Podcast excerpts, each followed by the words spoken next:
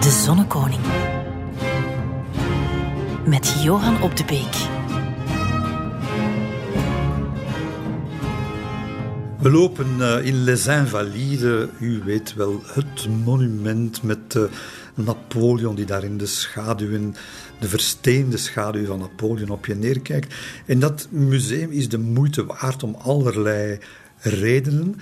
Vooral omdat je op een bepaalde verdieping, vrij hoog in de nok, uh, in, een, in een verduisterde zaal binnentreedt waar, waar werkelijk een tientallen grote plateaus uitgestald staan met daarop maquettes. Maquettes die dateren uit de tijd van ja, het uh, onderwerp van onze gesprekken hier, Louis XIV.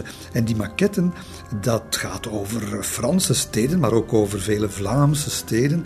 En die beelden het werk uit dat uh, Louis heeft laten uitvoeren op voordracht van zijn militair meesterbrein, de schranderste expert-ingenieur van Europa, en dat is Vauban. Vauban die heeft uh, hem eigenlijk weten te bevruchten met een aantal succesvolle ideeën. Ja, je moet uh, stoppen met. Uh, je bent de sterkste in Europa, maar je moet wel stoppen met geld uit te geven aan al die ja, poenverslindende veldtochten. En gebogen over de landkaarten heeft Vauban zowel oorlogsmeester Louvois als de koning met de neus op de feiten gedrukt. Frankrijk heeft namelijk een zeer onregelmatige grens, een wirwar. En dat allemaal verdedigen of daar uh, veldtochten vanuit ondernemen, het kost veel te veel geld. En dus zegt Vauban, we moeten het helemaal anders aanpakken. We gaan een grote verdedigingsgordel aanleggen. Uh, dat gaat een derde minder manschappen kosten. Je ziet uh, Louis XIV al meteen aan zijn schatkist denken, want hij is natuurlijk niet blind voor de onaangename waarheid dat het geld hem uit de zakken is gerold door het oorlogsvoeren. En Vauban zegt, we moeten een soort van stedengordijn oprichten. En hij noemt dat, en dat is een term die uh, ja, geschiedenis zal maken, de pré-carré. En dat is eigenlijk een, een, een, reeks bolwerken die van aan de Atlantische kust tot diep in de Elzas aan de grens zal uh, opgetrokken worden. Uh, Le Pré-Carré, het zegt het al, vierkanten eigenlijk, waarbinnen, dat zijn vestingen, vestingsteden, die in de vorm van vierkanten eigenlijk de, de tegenstander altijd klem gaan, gaan rijden. En het is dus eigenlijk een, toch een teken dat het, uh, het, het, militaire gedachtengoed van Louis is toch minstens zozeer gericht op het verdedigen van verdedigbare grenzen als op expansie. En natuurlijk ook op, uh, op de financiën, want het land zit er bijzonder slecht voor. Tot wat leidt dat? Wel, dat leidt tot een dubbele reeks uh, fortensteden. We noemen er een paar op die we kennen: Duinkerken, Veurne, Yper, Menen, Lille natuurlijk, Valenciennes, uh, Dinant. Maar dat is nog niet genoeg, want Vauban zegt daar helemaal in het eh, oosten, daar zijn nog twee belangrijke steden die eigenlijk door de vijand, en hij denkt dan al een beetje aan Duitsers, hij denkt natuurlijk ook aan het Oostenrijkse keizerrijk, die door die vijanden zouden kunnen gebruikt worden als invalspoort. En dat zijn Luxemburg en Straatsburg. En Vauban zegt aan Louis, uh, die moeten we in handen hebben. En als we die in handen hebben, samen met de Pré-Carré, dan zijn we eigenlijk uh, dan, dan zijn we safe. Dat is natuurlijk een eenzijdig denken, want u kunt wel denken, ik moet die steden hebben om, om me veilig te stellen, dus de deur op slot te doen. Maar ja, nog Vauban, nog Louvois nog Louis denken aan hoe de anderen dat zullen percipiëren. En wanneer op een bepaald moment ja, de Franse troepen zich melden in een stad als Luxemburg en Straatsburg, dan gaat dat, eh, dan gaat dat het, ja, het militaire evenwicht zodanig verstoren dat we meer en meer in een, ja, in een oorlogsspiraal terecht gaan komen. Deze keer niet alleen meer met uh, dat conflict tussen het noorden, de Hollandse Republiek en Frankrijk, maar heel Europa gaat hierin meegesleurd worden.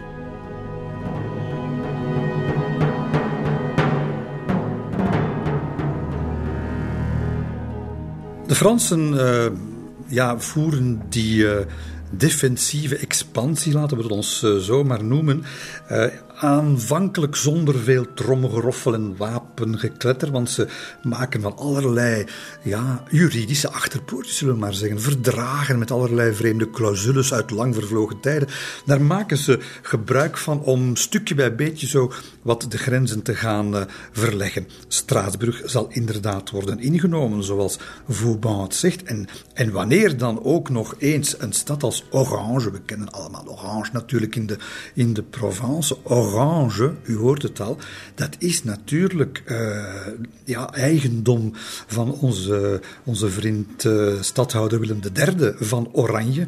Ja, die is uh, helemaal van zijn melk als dat hugenotennest, want dat was Orange, wordt aangeslagen zomaar door Louis XIV. Hij ontleent er verdorie zijn familienaam en zijn prinschap aan. En voor zover het nodig is, gaat dat natuurlijk de anti-Franse sentimenten bij Willem op, uh, op scherp stellen.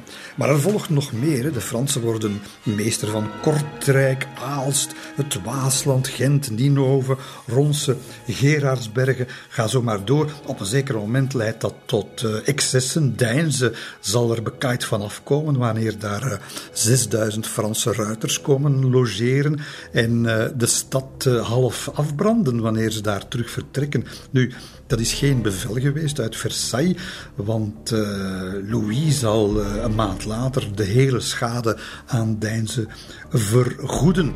Maar het, uh, ja, het, het, het, blijft wel een feit dat, dat ze op oorlogspad zijn, vrijwel voortdurend. En Louis is daar nog altijd bij. Hij is, is serieus in de veertig nu, maar hij staat erop om dat leger nog altijd waar hij kan persoonlijk te leiden en komt dan na elke veldtocht, want elke lente opnieuw is er weer een of andere slag. Het, het duurt ook allemaal zo lang, die, die, uh, die oorlogen, omdat ze maar oorlog kunnen voeren op beperkte schaal en alleen maar tussen, laat zeggen, april en september, oktober.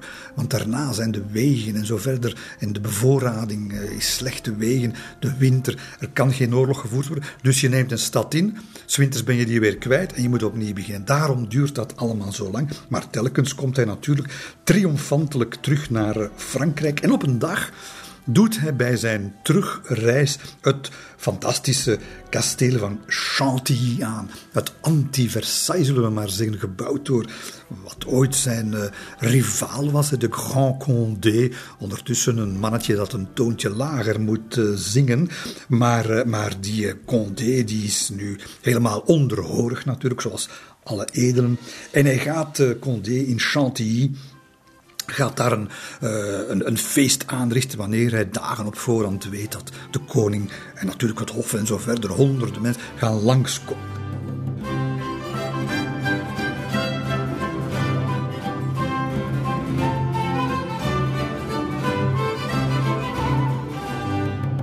En uh, wie is er in Chantilly uh, verantwoordelijk voor de keuken? De chef de cuisine is niemand minder dan François Vatel.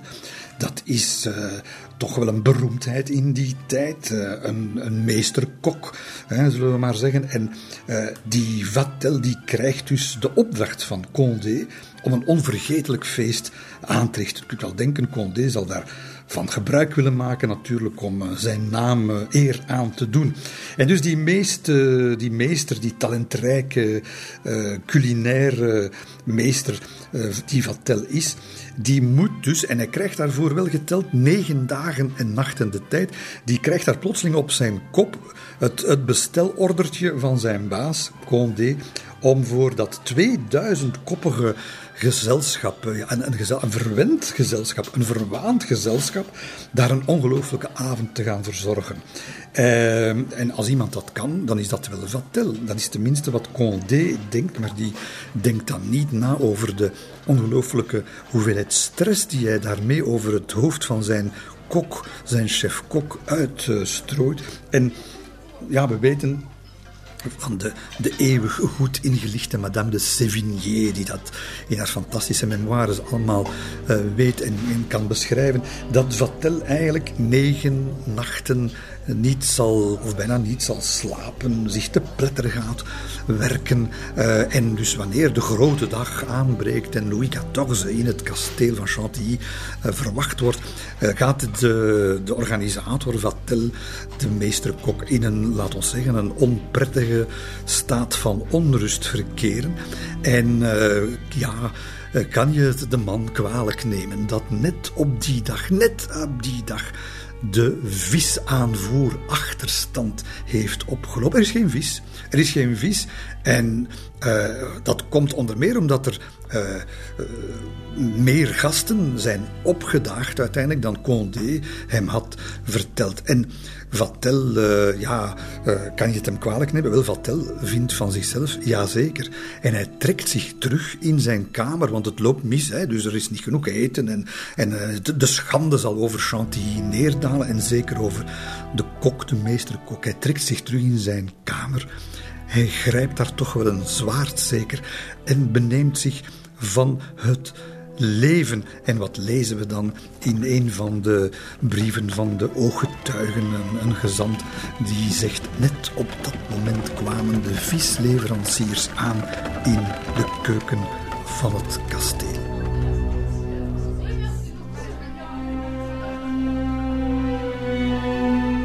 De zelfmoord van Vatel maakt, uh, maakt een einde aan, uh, aan het feestgedruis. Want uh, zoals we weten, de koning, volgens het protocol, kan niet verblijven in een, in een, op een plek waar, waar dus een, een, een dode, net een dode is, valt te betreuren. En ze, en ze laten dus Chantilly achter. Ze laten de Grand Condé achter met een, ja, met een, met een kater en een ongelooflijk gespijsde rekening.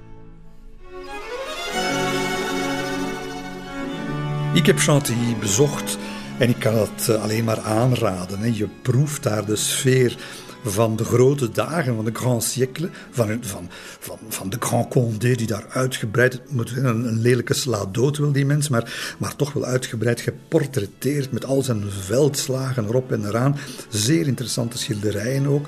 En, maar je proeft er natuurlijk ook de, de, de, de geest van Louis, hè, die, die toch voortdurend achter een of andere gordijn lijkt mee te kijken naar wat zijn rivaal daar in dat mooie, maar helaas voor hem te kleine kasteel aan het aanrichten is.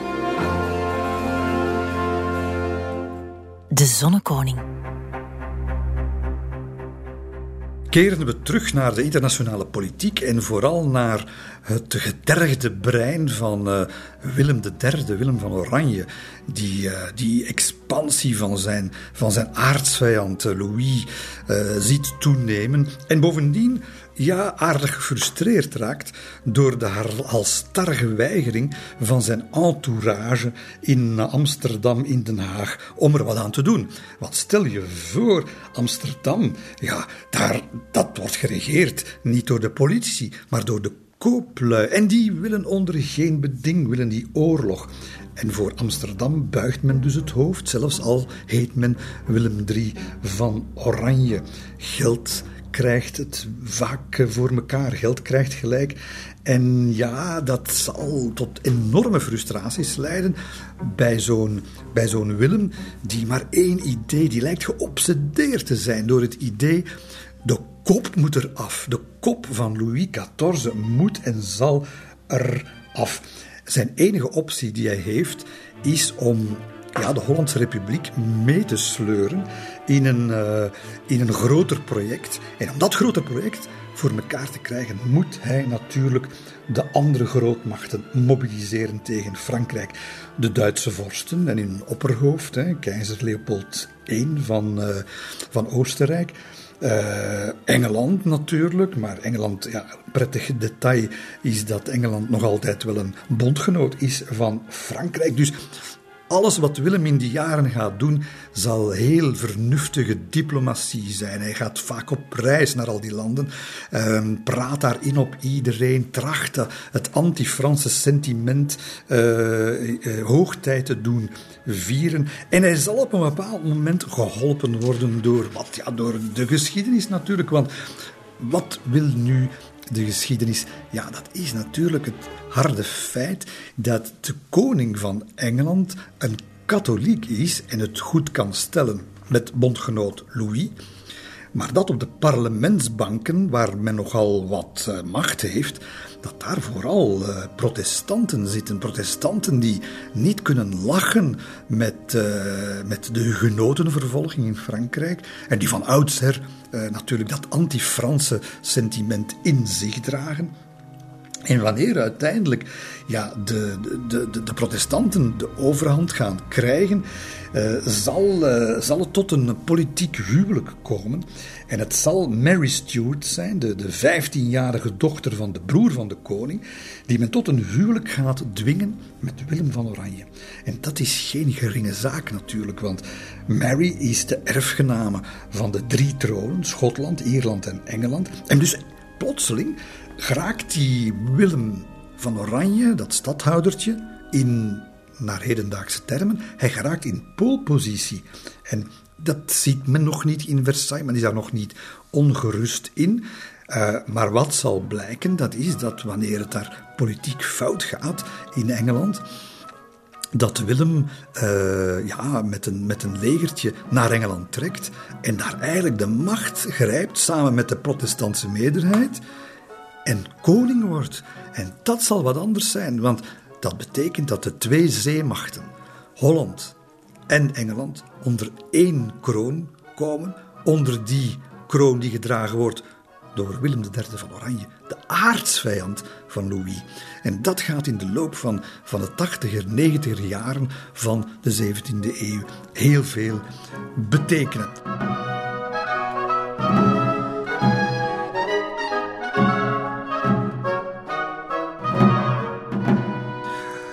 Hoe staat het ondertussen met een andere uh, grote speler?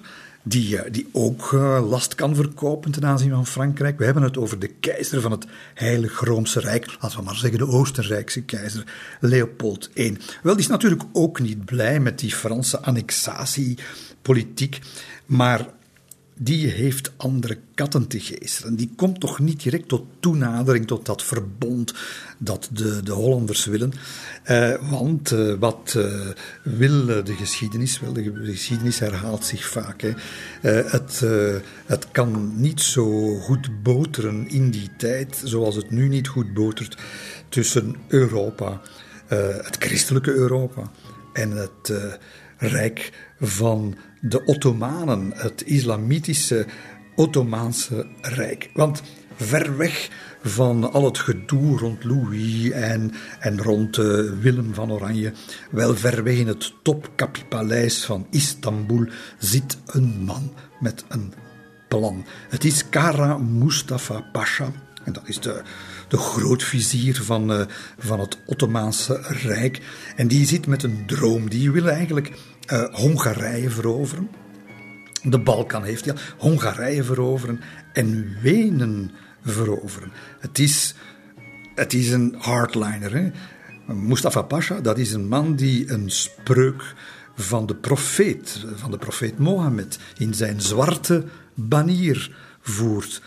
Wit Arabisch geschrift in een zwarte banier. Dat doet ons denken aan iets dat uh, we tegenwoordig ook kennen. En hij heeft 180.000 manschappen onder zijn leiding. Hij, hij, gaat de Balkan veroveren, hij gaat uh, Hongarije veroveren, onder de Turkse knoet leggen. En dus dat betekent de islam klopt aan bij de poort van Europa, bij Wenen. Dat is tenminste de kreet die men nu vanuit Wenen gaat slaken en die men naar andere christelijke grootmachten zal, eh, zal, zal roepen. Wij moeten hulp hebben. Wel, wie is natuurlijk de meest voor de hand liggende? Dat is zijn allerchristelijkste majesteit, Louis XIV. Wat heeft Louis gedaan echter? Wel, die heeft een geheim akkoord gesloten met de sultan van Istanbul, waarin hij belooft dat hij geen vinger zal uitsteken als de Turken Wenen aanvallen. Stel u dat voor. En dus, dat betekent, ja, waarom doet hij dat? Dat is logisch. Zolang het nog niet helemaal zeker is dat, ze, dat de Fransen uh, West-Europa domineren, moeten we die Oostenrijkers aan de praat houden. En hoe kunnen we dat beter doen dan te zorgen dat ze hun handen vol hebben met de Turken? Tot wat gaat dat leiden? Zeg, dat gaat leiden tot, ja, inderdaad, Turkse, Turkse troepen voor de poorten van Wenen. Het beleg van Wenen. En zonder dat daar ook maar één Fransman aan te pas zal komen, gaat eh, de grootvizier Kara Mustafa Pasha zich opmaken voor de genadeslag. Maandenlange belegeringen. Uh, die Pasha, dat was, geen, uh, dat was van geen kleintje vervaard. Hij zegt, zelfs geen ongeboren kind in de moederschoot zal het overleven. Dat belooft. En het wordt 11 september. Uh, men, uh, 1683, men, men, men ziet voor de poorten van Wenen uh, dat men uitgehongerd is, waar, waar de doden in de straten liggen, ziet men die tienduizenden Turken aanstal te maken om de finale slag uit te delen. En dan, en dan stijgt er plotseling gejuich op van de wallen van Wenen. Want vanaf de Kalenberg, die we nog altijd in al zijn pracht kunnen zien vandaag, stijgen rooksignalen op. De hulp is nabij. En in de late nacht van 12 september dalen tienduizenden bevriende soldaten de Weense vlakte af eh, naar Wenen toe, verslaan daar zonder uh, veel compassie uh, het hele Turkse leger van, van Kara Mustafa Pasha, die trouwens drie maanden later op bevel van zijn staatshoofd, de sultan, gewurgd zal worden met een zijden koord en dan ter lering en vermaak op een staakten toon zal worden gesteld bij de toegangspoort van het Topkapi-paleis. Maar de harde waarheid is, Wenen, Leopold I, Oostenrijk is gered, maar wel dankzij onder meer Poolse katholieke soldaten, niet Franse katholieke troepen. En dat is toch wel eventjes iets wat, uh, wat er inhakt bij Leopold. Dat is iets wat je niet zal vergeten. En dat gaat natuurlijk alleen maar bijdragen tot de uitbouw, de versterking, het aan elkaar smeden van een monstercoalitie tegen Louis XIV.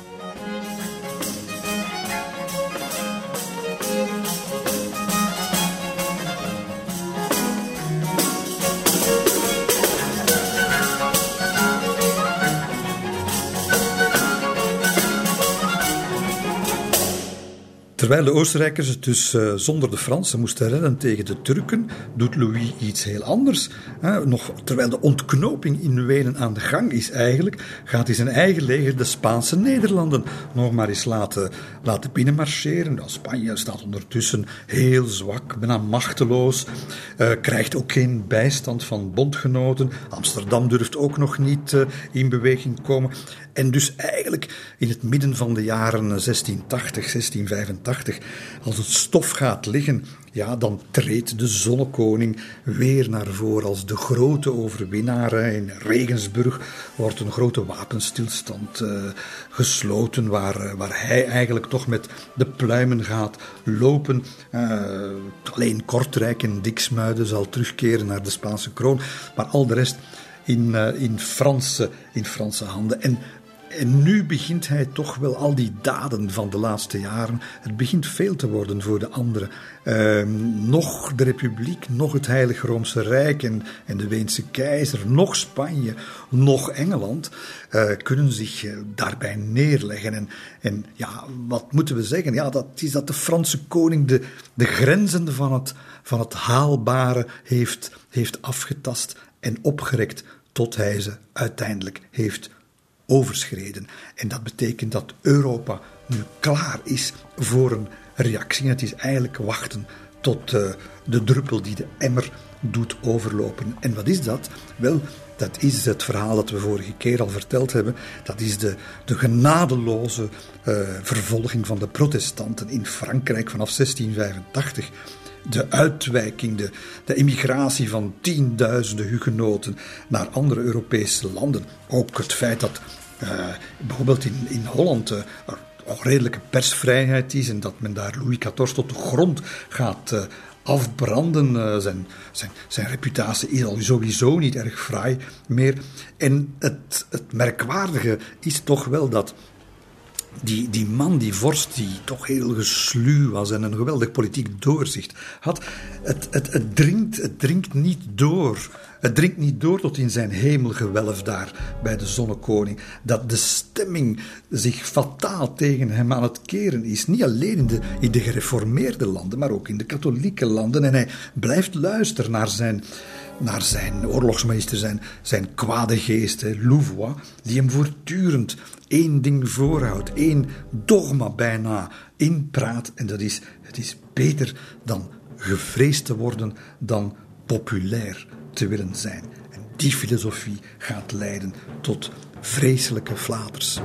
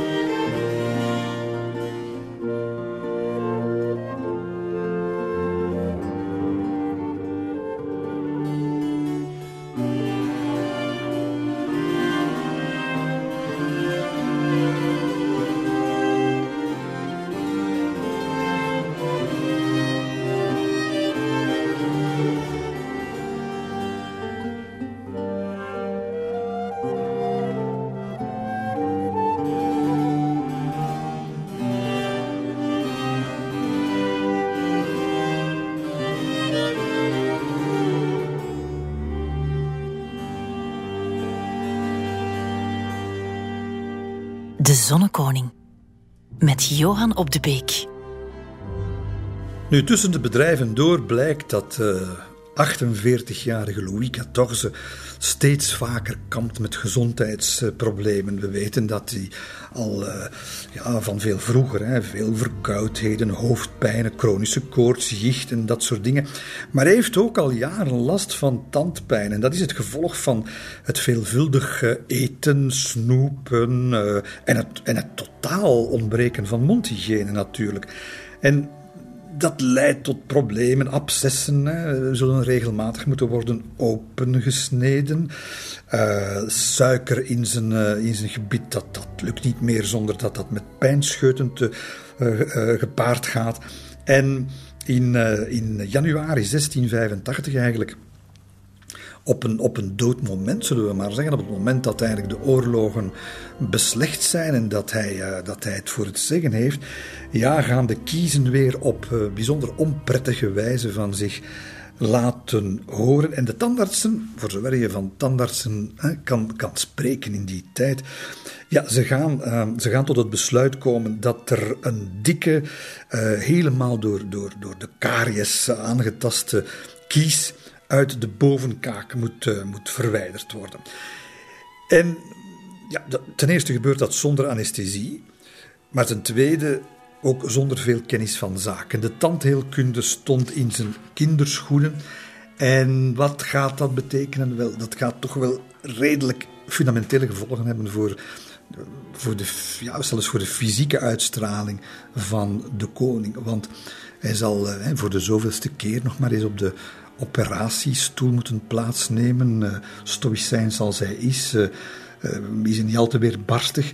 En men gaat werkelijk, en het is vreselijk om, om te zeggen, maar men gaat dus met, met stukken en brokken werkelijk eh, in die mond, eh, uit, uit die mond stukken van die, van die, kies, eh, van die kies trekken. Hij heeft, hij heeft een geweldige fysiek gestel en, en die kies laat zich niet zomaar trekken. Het wordt een, een, echt, een echt slagveld in die mond tot op een bepaald moment men met zulke brutaliteit tekeer gaat dat, um, ja, dat een, een, stuk van het linkerkaaksbeen afbreekt met een huiveringwekkend geluid dat uit zijn mond opstijgt. Uh, hij blijft bij bewustzijn, maar het is een drama, want uh, wanneer dat allemaal geneesd blijkt, dat, ja, je kunt je dat voorstellen, er is een stuk van dat gehemelte in feite weg. En dus er is een gat. Dat betekent dat hij niet meer kan eten of drinken zonder dat ja, dat, dat allemaal eigenlijk door zijn neusgaten er weer uitkomt. Het moet, enfin, dit is afreus natuurlijk, dit is, dit is vreselijk. En men zal er iets moeten aan doen. Opnieuw, zonder verdoving, zal men, uh, ja, ik aarzel om het te zeggen, maar zal men uh, gloeiende ijzers in uh, de koninklijke mond proppen en dat gat toeschroeien. En niet één keer, maar veertien keer is dat eh, moeten gebeuren. Uh, om dat ongewenste kanaal, dus tussen, tussen neus en mond, te dichten. Uh, dat moet gepaard gegaan zijn met het sissend geluid van gebraad in de pan natuurlijk. Maar leidt ertoe dat het inderdaad opgelost wordt. Hij zal dan nog een jaar lang uh, een onaangenaam lijkengeurtje, zoals de tandartsen dat beschreven, uh, uit zijn mond uh, laten verspreiden. Maar het komt, het komt in orde. Maar wat er niet meer in orde komt, en dat is toch wel, ja, ik kan het alleen maar zo droevig en ja, je kunt er alleen maar mededogen mee hebben. Dat is dat die man die nu nog geen vijftig is, maar ooit die Apollo was, die, die schitterende figuur, trots op zijn uiterlijk, bewonderd door iedereen. Dat hij nu um, ja, geen gebitselementen meer heeft in zijn bovenkaak. Dat zijn bovenlip daardoor helemaal ingevallen is. Dat zijn neus dus ook een beetje gaat hangen en dat de mondhoeken afzakken. Het is nog een grijns die je kan aflezen op dat gelaat van de zonnekoning. En dat zal, dat zal nog ja, dat zal nog 25 jaar zo blijven. Hè. Je zal dat niet meer zien op de schilderijen. Als je goed kijkt naar het schilderij, het fameuze statieportret van Rigaud, dat enkele jaren later wordt geschilderd, dan, dan merk je dat wel. Rigaud heeft dat ja, met een soort van. Ah, meesterlijke compromis tussen waarheid en, en mededogen, tussen, tussen realiteit en, ja, en, en propaganda in heeft. Rico die mond en die neus zo geschilderd dat je het wel kunt merken, maar dat hij tegelijkertijd niet afschuwelijk lelijk is, wat helaas de zonnekoning moet geweest zijn op dat moment.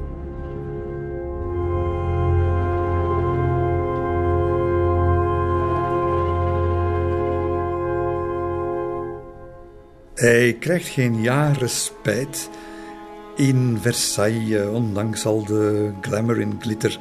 Of de zonnekoning gaat alweer lijden aan een nieuwe ziekte. En deze keer, dat is toch tenminste wat de, Journal de Santé van zijn dokters uh, doet vermoeden.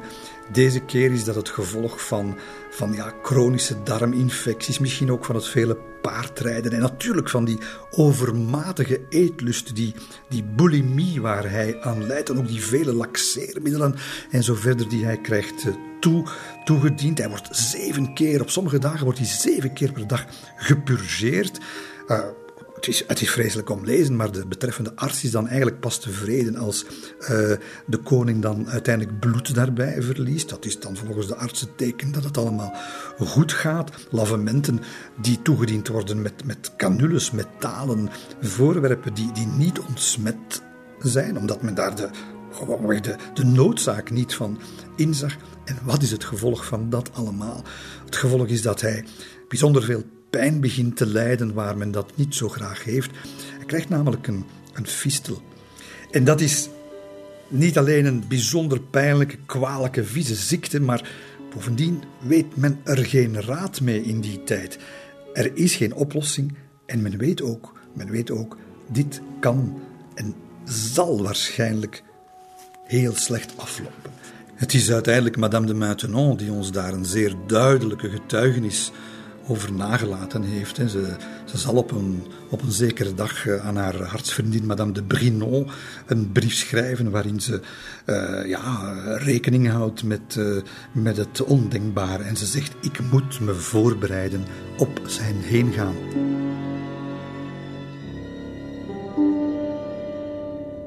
Nu, dat, dat Louis XIV aan zo'n gevaarlijke ziekte leidt, dat is niets minder, dat is niets minder dan een staatsgeheim.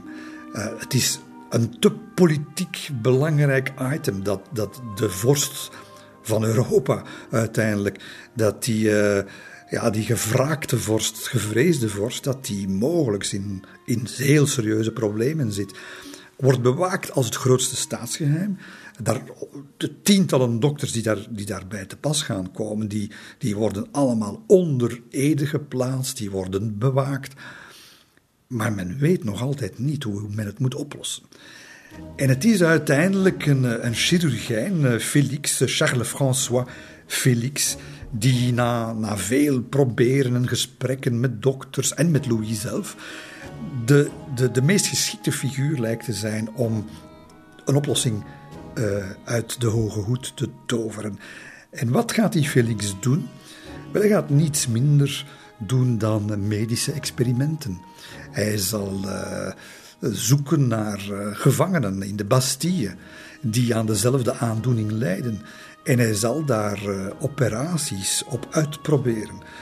en dat zal uiteraard voor een aantal van die mensen slecht aflopen, maar Felix komt met een oplossing. Het is een op een, op een verschrikkelijke manier, maar het is een, een, een, vooruit, een serieuze vooruitgang in de medische wetenschap. En men zal dat, uh, men zal dat melden hè, aan, uh, aan Louis, dat, uh, dat, er, ja, dat, er, dat er een kans is. En hij zal zeggen, ja, ik heb geen keuze, ik ga dat doen, ik ga dat ondergaan. Ze gaan daartoe heel Versailles bijna ontruimen. Men zal het hof naar, naar Fontainebleau overplaatsen. Nu op zich is dat niet zo'n ongewone zaak, want dat gebeurde wel eens. Hè, dat, uh, dat men uh, verhuisde eens een keer naar een, uh, naar een andere plek vertrok. maar het is wel degelijk de bedoeling dat men dan op 17 november 1686 in de grootste discretie in een bijna verlaten Versailles, zodanig dat niemand zijn mond kan voorbij praten om 7 uur s ochtends in de Chambre du Roi uh, de operatie zal voltrokken worden met, met twee chirurgijnen, met drie chirurgijnen enfin, en Madame de Maintenon en de, de belangrijkste minister, oorlogsminister Louvois. Uh, we kunnen ons uh, voorstellen hoe Louis daar in de, de gewenste houding gaat liggen of zitten. Het moet ja, we moeten er niet aan denken. Het is, een, het is een man die in zijn leven al heel veel fysieke kwellingen heeft doorstaan, eh, meestal zonder een kick te geven. Hij wil dat ook zo. Hij, het moet duidelijk zijn, zelfs voor zijn meest intieme omgeving, dat hij nog altijd die rol van de Dieudonné, de Godgegevene, die, die boven de normale mensen staat en dus zich ook als een, als een, als een bovennatuurlijk mens bijna moet gedragen, wel dat dat, dat, dat, dat in, in goede, maar ook in kwade dagen zijn lot is. En volgens de overlevering, voilà, de Maintenon zal zijn ene hand vasthouden en Louvois zijn andere. Uh, de operatie zonder anesthesie in schrijnende pijnen uh, zal, zal de vorst niet meer dan twee keer de roep Mon Dieu, mon Dieu ontlokken. Uh, en het erge is, het, het, zal, het zal niet bij één operatie blijven. Het zal ja, pas 85 dagen na die eerste operatie zijn dat men hem genezen verklaart. Want er gaan er nog twee moeten volgen. En het straffe van, van het verhaal is dat wanneer die, die eerste operatie achter de rug is, wel twee dagen nadien is er een bal uh, geplant in Versailles wanneer het hof terug is. En hij geeft daar present. Hij is daar. Hij danst uiteraard niet. Staat nauwelijks op zijn benen. Maar hij wil daar zijn. Hij wil zich tonen. Hij moet daar zijn.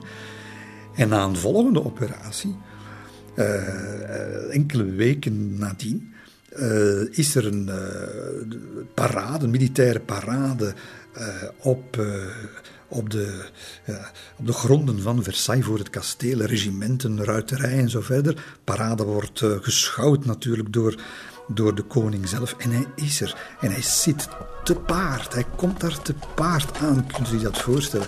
En we weten dat uh, van een van de maarschalken die daar, uh, die daar aanwezig was, dat hij daar dus met het gelaat verkrampt van de pijn en met het zweet op zijn voorhoofd, zo schrijft die man staat hij daar 21 infanteriebataljons en drie escadrons dragonders te schouwen. Niemand weet wat hij doorstaan heeft. Niemand weet welke pijn hij daar voelt op zijn paard. Maar hij is er. En ook dat is natuurlijk het verhaal van de zonnekoning, die tot bijna weergaloze uh, wil tot het uiterste te gaan. Die zelfopoffering, die zelfverloochening ook hij, hij, vraagt het uiterste van zichzelf. Dat, dat zie je in zoveel. Dat zie je in die, in die medische problemen die hij heeft. Hoe hij dat overwint uiteindelijk. Dat zie je in zijn gedrag als staatshoofd. Wanneer hij tot zijn oude dag verkrampt en, en, en getergd door de jicht. En, en hij kan geen stap meer zetten of de pijn vliegt door zijn zenuwbanen naar zijn, naar zijn hersenen. Wel, hij zal tot op het laatst elke ministerraad blijven voorzitten. Daar zitten, daar urenlang, soms tot, tot, want het wordt grote crisis in de laatste jaren, uh, soms tot, tot s'nachts. En, en dat is hem, hè. Dat, dat, dat is hem de opoffering voor de zaak, voor het land. Uh, en en hij, hij is de absolute vorst, dus hij moet het voorbeeld geven. Hij mag en zal niet versagen.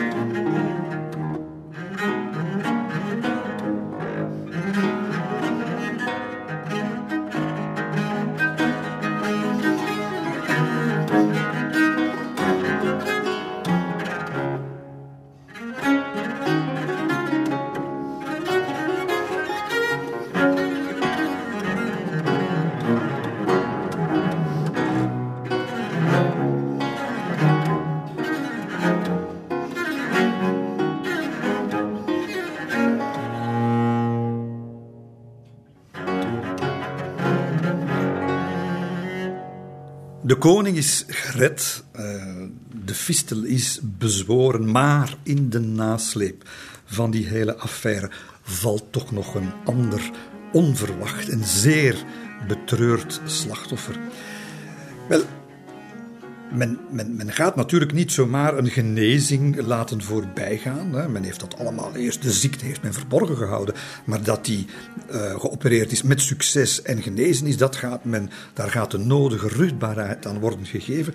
En dat doe je natuurlijk in Versailles alleen maar met een reusachtig Tedeum. Wie moet dat Tedeum samenstellen? Het is natuurlijk Jean-Baptiste Lully.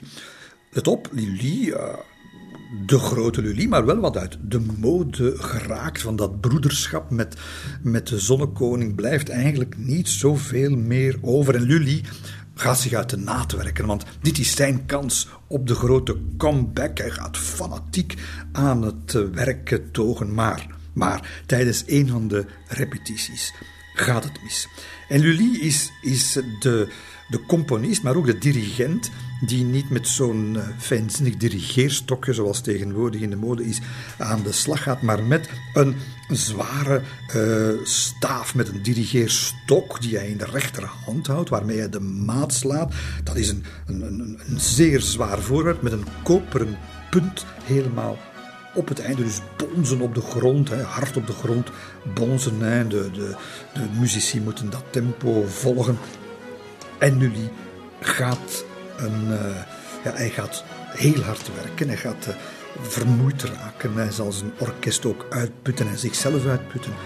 En dat is waarschijnlijk ook de reden waarom hij op een bepaald moment met die dirigeerstaaf uh, een, mis, een misstap begaat. Of, hij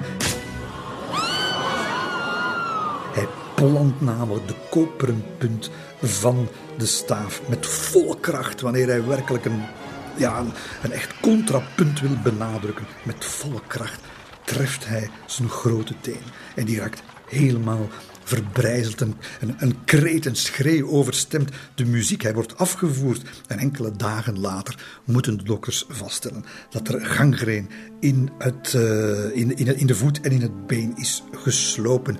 Wat moet men doen? Ja, die tijd, men heeft, geen, men heeft geen enkel ander middel dan amputatie. En dan zegt op zijn ziekbed, pijnlijdend en zich verbijtend, dan zegt zo'n Lully, die grootheid van, van onze Europese muziek, die zegt amputatie. Een danser, zegt Lully, laat zich geen been afpakken. Monsieur, je vous conjure, lâchez-moi. Si nous n'en plus pas, la gangrène va remonter jusqu'au cœur. Le cœur Prenez le cœur. Et pas la jambe. Pas la jambe, non ça Non Non Non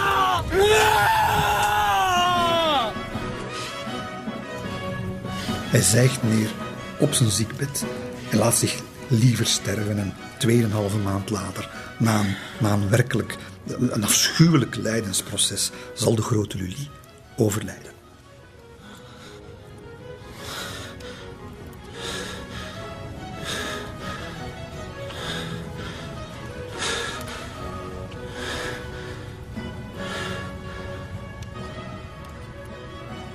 Hij is niet ouder dan 54 geworden. Uh, daarvan heeft hij uh, toch 33 jaar gewijd aan het verheerlijken, aan het genoegen van zijn vriend en beschermheer, de, de zonnekoning.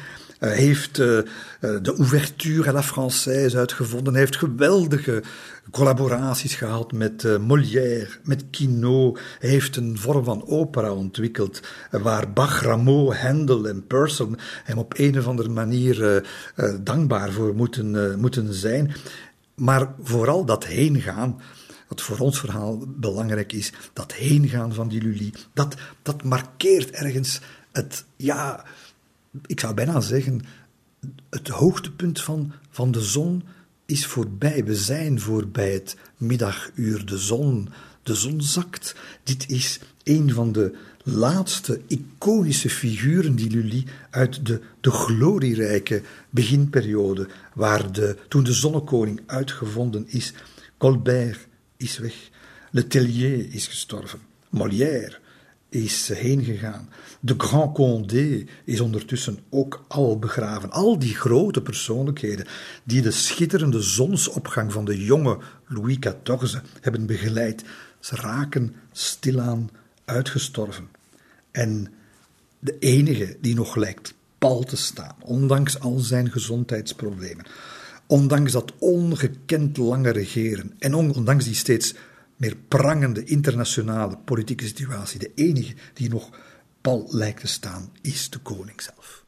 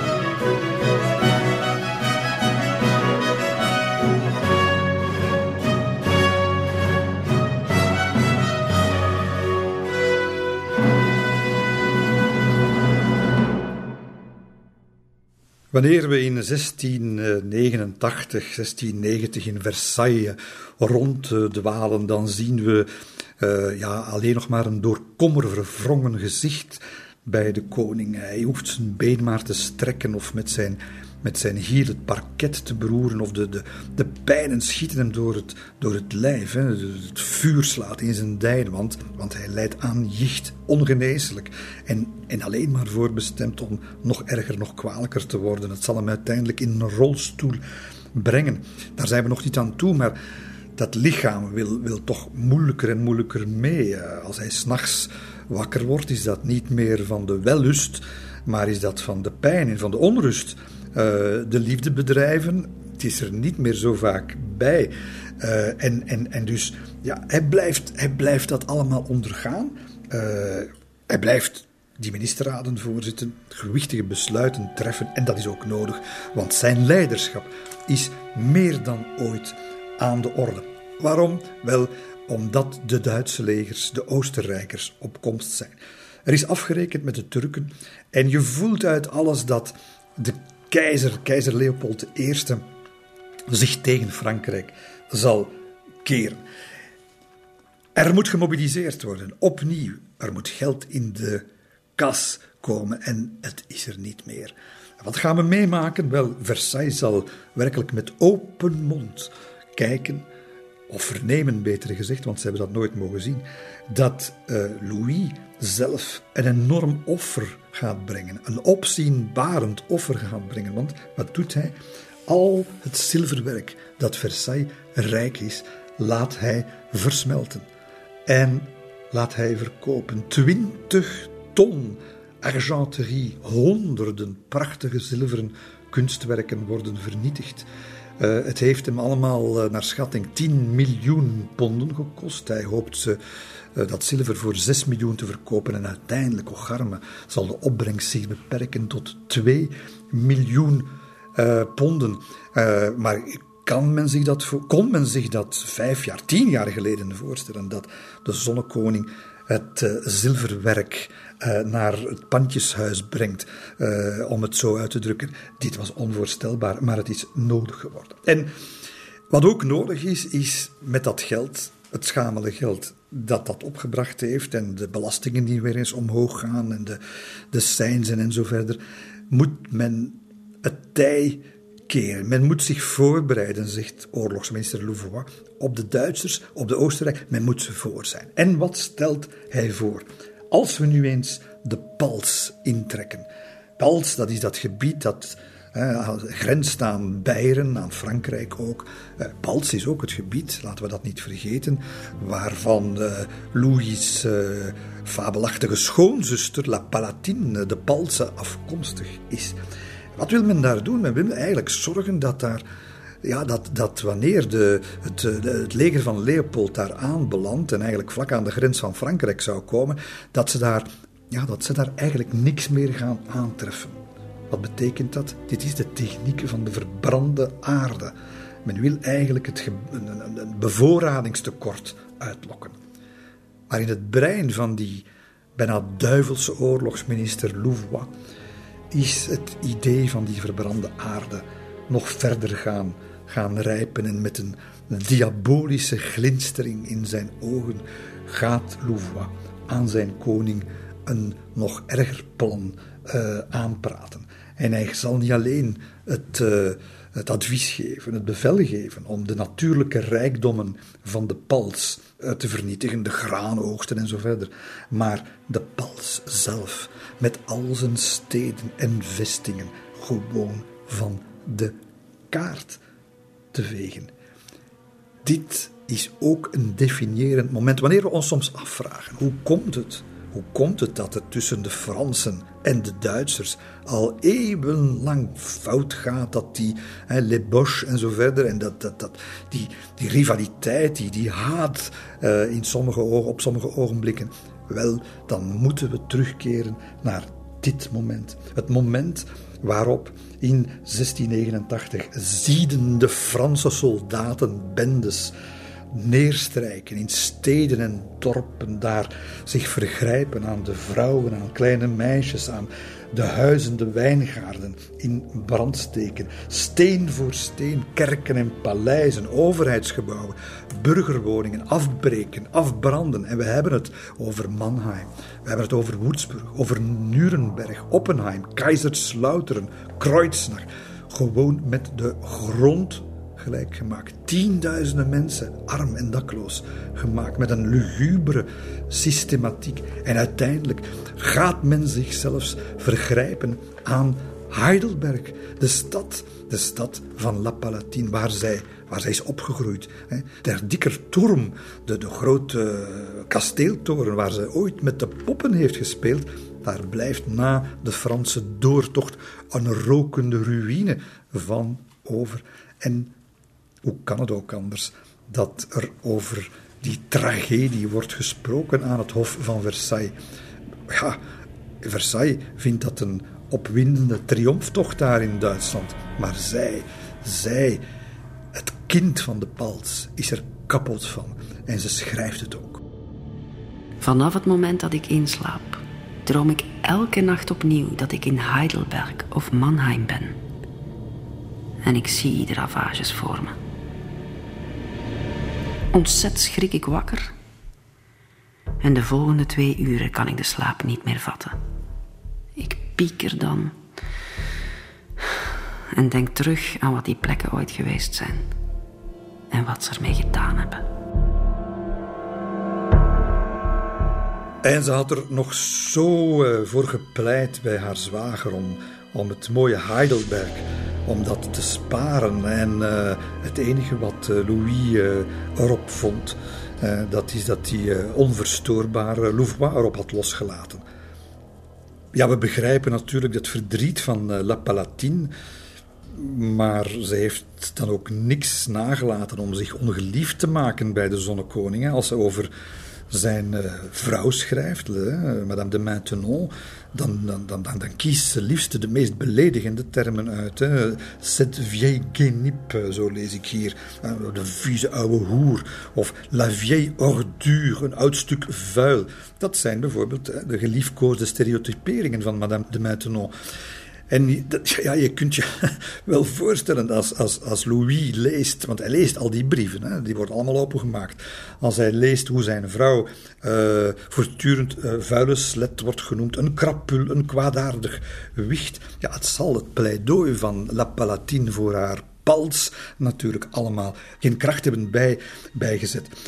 Maar het moet zeer pijnlijk geweest zijn, want vooral als je dan die, die privé-situatie ook nog eens bekijkt La Palatine is getrouwd met de broer van de koning, met Monsieur. We weten dat daar al niet zo heel veel uh, liefde tussen die twee verloren was. Maar ze moet met eigen ogen gezien hebben. Ja, de resultaten van die, van die afschuwelijke strooptocht in de pals.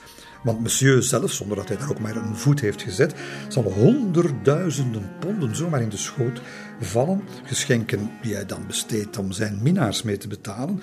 Maar dat gaat dus om drie schilderijen bijvoorbeeld, uit precies dat ouderlijk kasteel van zijn vrouw uit, uh, uit Heidelberg. En wat doet monsieur daarmee? Hij hangt die gewoon doodleuk, opzichtig aan de muren van het salon waar madame, zijn, zijn vrouw, dus elke dag langskomt. En dat elke dag moet zien, meedogenloos is dat. En zij zal het ook uitschreeuwen, hè, met de tranen spatten uit haar ogen. Meneer, zegt ze, ge zijt mij onuitstaanbare. Het enige wat we ons daarbij kunnen voorstellen, volgens de overlevering, is een monsieur die eens de mondhoeken omhoog trekt en eigenlijk geniepig geniet van dat moment.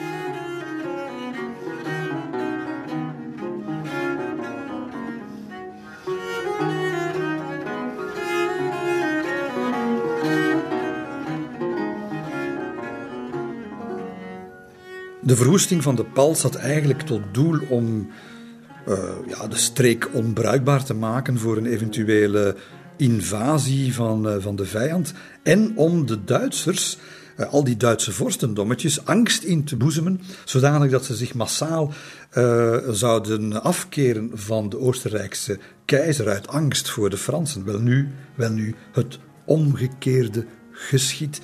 De, de keurvorst van Brandenburg eh, die van Saxen, de hertog van Hannover, de markgraaf van Hessen. Allemaal, allemaal neutraal tot dat moment. Allemaal kiezen ze partij voor Wenen. Dat is het moment waarop uh, Louis XIV is boos naar zijn oorlogsminister Louvois uh, kijkt, de auteur van al die fantastische plannen, de wenkbrauwen fronst, want de gebeurtenissen nemen nu een onverwachte en slechte wending. Europa begint zich te verenigen. En het komt, het komt tot een grande alliance, een grote alliantie. De Savoie, Brandenburg, Pruisen, Württemberg, Denemarken, Zweden en Engeland en Holland. En uiteindelijk ook Oostenrijk. Ze gaan allemaal ja, zich, zich, zich keren. Zich keren tegen Louis. Een grootscheepse oorlog wordt eigenlijk onvermijdelijk. En die zal er natuurlijk ook komen. En nu moet de zonnekoning opletten. Want hij moet nu. Uh, ja, front, de fronten zijn, zijn ontelbaar geworden. Hè. Eigenlijk drie grote fronten: Noord-Italië, de Rijnstreek en natuurlijk hier bij ons de Spaanse Nederlanden. Fransen zijn nog altijd wel de sterkste. De, de, de oorlogsmachine van Louis wordt op de proef gesteld.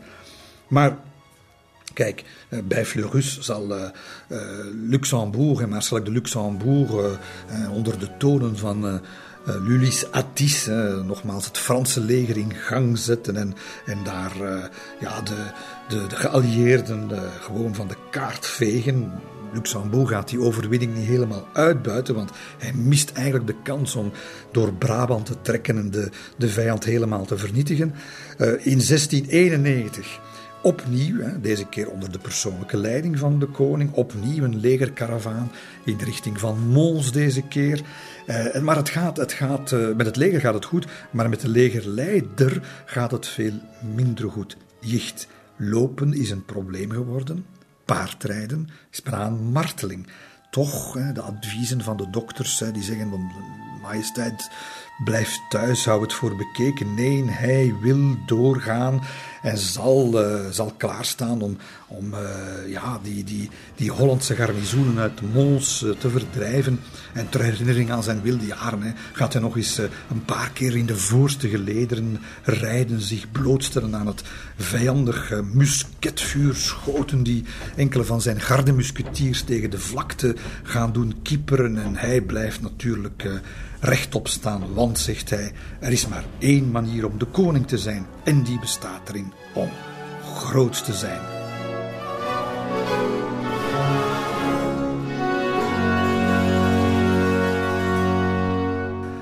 Maar de dood is dichtbij. En dat is een eventualiteit waarmee hij serieus rekening houdt. Zijn rijk duurt eigenlijk al te lang. Hij overschrijdt een leeftijd die, uh, die normaal is. Zijn vader was al lang dood op die leeftijd. Een oorlog leiden, dat, dat, dat deden zijn voorgangers, uh, voor zover ze nog leefden als ze zo oud waren, nooit. En hij is volop aan het werken aan de opvolging. Uh, Monseigneur is zijn oudste zoon, wettige erfgenaam. Denkt ook aan hertog Dumaine, de graaf de Toulouse. Twee buitenechtelijke kinderen, hè, de kinderen van Madame de Montespan nog die, daar zit hij kwaliteit in, daar, daar wil hij ook op inzetten.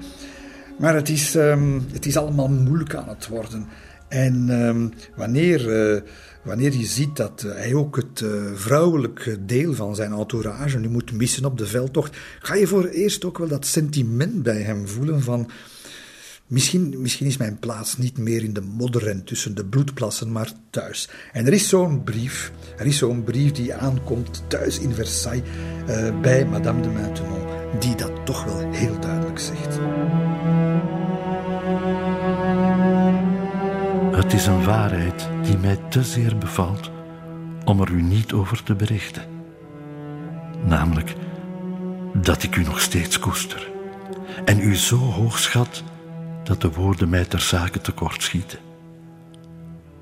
Het is tenslotte zo dat welke vriendschap u ook voor mij mogen voelen, de mijne jegens u nog aanzienlijker is en dat mijn hart u geheel toebehoort.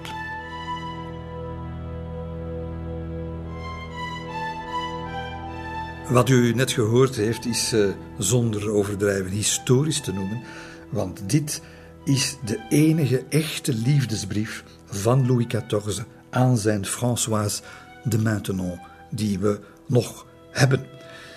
En hij zal waarschijnlijk uh, ongeveer rond dat tijdstip van onder zijn breedgerande hoed op 17 maart zien hoe uh, een verschrikkelijk bommentapijt zich uitstrekt over Mons, de stad eigenlijk vernietigd. Het wordt het zwaarste bombardement uit de hele regeerperiode. En Mons, bloedend uh, en rokend, zal de stad zich moeten overgeven. En Willem komt nog eventjes aan met, met wat troepen uit Holland. Maar het, het, is, het is weer eens een, een veldtocht die in het voordeel van de, van de Fransen uh, beslecht wordt. Fransen waren eigenlijk op het, op het, in, het, in het militaire brein in het hoofdkwartier aan de top, waar het eigenlijk niet meer zo goed botert. Louis heeft, heeft stilletjes aan een punthoofd gekregen van, van zijn oorlogsmeester, van die Louvois. Uh, Louvois uh, neemt beslissingen eigengereid. Iets wat Louis natuurlijk allergisch voor is. Omge omgekeerd voelt die minister zichzelf ook soms genegeerd dan is het weer Louis die zich tegengesproken voelt. En alle twee brutaal, meedogenloos. Maar het stoort natuurlijk die koning, die koning buitenmatig. Want uh, uh, bijvoorbeeld die verwoesting van de Pals. Ja, dat beseft hij nu ook wel. ondanks het feit dat hij daar een, een laat voor opdragen en munten laat slaan over die, die verschrikkelijke plundertocht. Maar hij weet natuurlijk ook wel dat dit een misstap is geweest. En hij, hij schuift die gewoon in de schoenen van Louvois U heeft me dat geadviseerd. Ik had niet naar u moeten luisteren en u bent veel te ver gegaan. Enfin, dat soort, dat soort uh, discussies. En het zal op een bepaald moment in de ministerraad, in de Conseil d'en haut, te midden van, van de hele ministerraad, zal het uh, in Versailles tot een, tot een geweldige confrontatie komen. En het is Louvois die weer eens het hoge woord voert. En uh, het, het, brengt Louis werkelijk tot, tot, tot razernij. U gaat het met uw hoofd betalen, briest hij. Uh, en ja, de Kamer is, stil natuurlijk, met een, met een geschrokken blik kijken de andere ministers hoe, hoe Louvois, die helemaal paars aangelopen is van woede, zijn, zijn brieven, zijn papieren op de, op de grond smijten, die, die gewoon tegen Louis ingaat en die roept: als het, als het hier zo zit, wel dan, dan kunt uw uh, ministerschap houden. Ik, ik, ben weg, ik, ik, neem ontslag. Ja, dat zijn woorden die je niet zomaar uitspreekt uh, jegens uh, de zonnekoning, zelfs al ben je Louvois. Maar hij stapt dus buiten en dus, dus werkelijk, de man is compleet over zijn toer. En een paar minuten later stort hij ergens op het parket in Versailles neer. Een beroerte. Louvois is dood. En wanneer dan, uh, ja, enkele dagen later, uh, men tijdens zijn dagelijkse wandelingen rond de fonteinen eh, de koning ziet ijsberen en hij komt, uh, hij komt aan de balustrade van de orangerie. Dan, kijkt hij, dan ziet men hem naar boven kijken, naar het raam van de kamer van Louvois. Uh, wat zou hij gedacht hebben? Wel, we weten het wat hij gedacht heeft. Want aan zijn broer, de toegesnelde monsieur, die komt eigenlijk zijn, zijn medeleven betuigen. Majesteit, medeleven met het verlies dat u zo pas geleden heeft. Je hoort het hem al zeggen. En, en de koning antwoordt doodleuk. Helemaal niet nodig. Eh, als hij niet in elkaar was gezakt, had u hem binnen twee dagen in de Bastille kunnen gaan bezoeken. Dus dat zegt wel wat over. Ja, het, het, was uit tussen die. Had het laatste icoon van de entourage dat nog leeft en, uh, en de zonnekoning. Maar het is ook een, een, een veelbetekenend moment want Louvois was een heel sterke figuur, de laatste sterke figuur eigenlijk, die, die Louis nog rond zich dulde. En wat zien we? De man die nu 53 jaar is, toch het gewicht al van, van jarenlang regeren op de schouders draagt, pakt er nog meer gewicht bij. Want de opvolger van Louvois wordt echt een tweede rangs figuur. Hij wil echt geen, geen sterke mannen meer. En hij zal ook alle grote dossiers naar zich toetrekken. En dat gaat betekenen dat uh, de details van het bestuur van het koninkrijk, dat die nog meer, meer dan ooit, gecumuleerd worden door Louis XIV. Uh, er is geen superminister meer. En, en de grote domeinen gaan rechtstreeks onder zijn gezag vallen. Dus dat betekent niet alleen dat hij geen grammetje aan geldingsdrang heeft ingeboet, maar meer nog dat eigenlijk vanaf 1690, 1691 de, het absolutisme eigenlijk nooit zo sterk is geweest. Nooit heeft hij, heeft hij zo alleen geregeerd als toen Colbert en Louvois, Louvois was de laatste, uh, mee regeerden. En het is de, de ambassadeur van Venetië, Pietro Venier, die uh, vijf dagen na het uh, overlijden van Louvois dat heel goed begrepen heeft wanneer hij schrijft aan zijn dogen in Venetië. De impulsen in het Franse staatsapparaat komen nu rechtstreeks en alleen van de koning.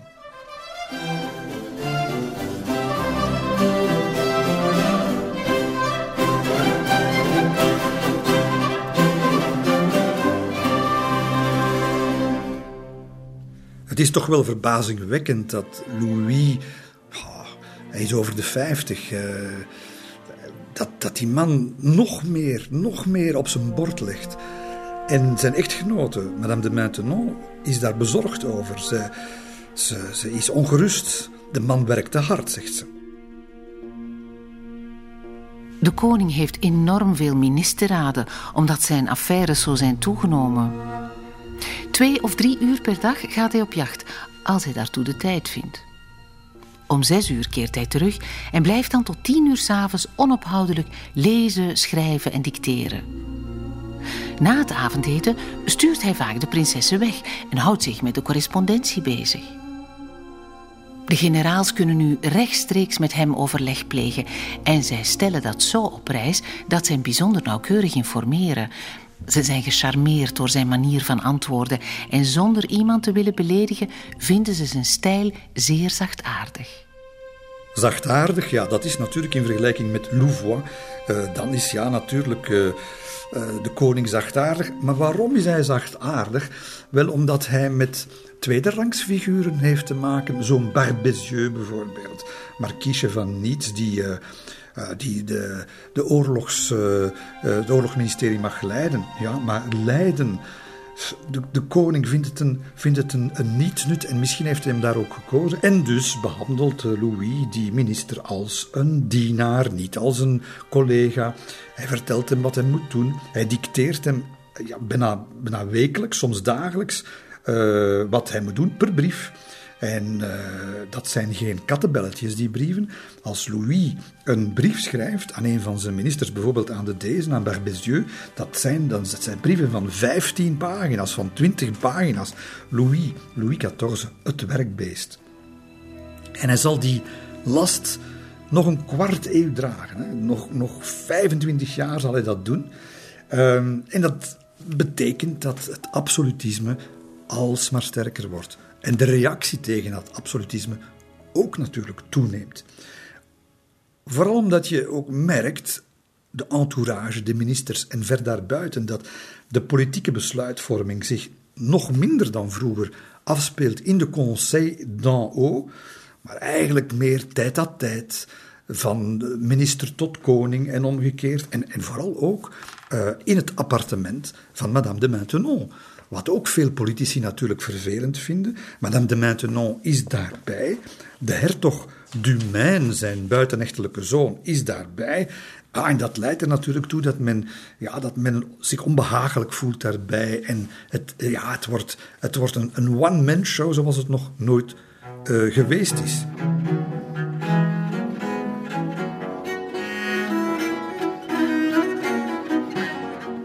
1692 en 1693. Hoe kan het ook anders? Oorlog, weer veldtochten. Maar we bereiken wel een, een, een kritisch moment, een kantelmoment. Want wanneer in de lente van 1693 de Franse veldtocht in Vlaanderen op gang komt, gebeurt dat wat langzamer dan, uh, dan gewoonlijk. Uh, het geeft Willem III de tijd om wat strategische posities in te nemen tussen Luik en Leuven. En, en het, het, leidt tot ongeduld bij Maarschalk de Luxembourg, die zijn koning Louis de raad geeft om, om meteen aan te vallen. En Louis weigert. Hij lijkt wat besluiteloos te zijn. Is het het feit dat hij vorig jaar um, ja, last heeft gehad, jichtaanvallen heeft gehad tijdens de veldtocht? Is hij wat radeloos aan het worden? Het is on duidelijk. Maar in elk geval brengt het Luxembourg tot, tot radeloosheid. Hij gaat ervoor op zijn knieën zitten. Majesteit, majesteit, uh, we moeten aanvallen. U kunt toch niet, uh, u kunt toch niet, uh, niet aanvallen? En dat wordt nog erger. Want op aanraden van Madame de Maintenon, Madame de Maintenon, we hebben het gezien, ze maakt zich zorgen, serieuze zorgen over, over zijn gezondheid. En ze gaat Louis ja, ze heeft toch wel wat impact wat dat betreft. Ze gaat Louis tot een besluit brengen dat op, op, op een of andere manier een fataal besluit mag genoemd worden. Want ze gaat hem zeggen van, dit, dit is niks meer voor u, dit is niks meer voor jouw leeftijd. Laten we terugkeren naar Versailles. En tot verbijstering van, van de generaals, van de maarschalken, van de officieren en van het leger, het gehele leger, uiteindelijk, jawel hoor, met de gepaste grandeur, ja, dat wel. Maar toch met, met stille trom in feite gaat de koninklijke karavaan terugkeren naar Frankrijk. Terugkeren naar Frankrijk en, en we kunnen ons al alleen maar inbeelden wat er nu door het hoofd van Louis XIV moet gaan.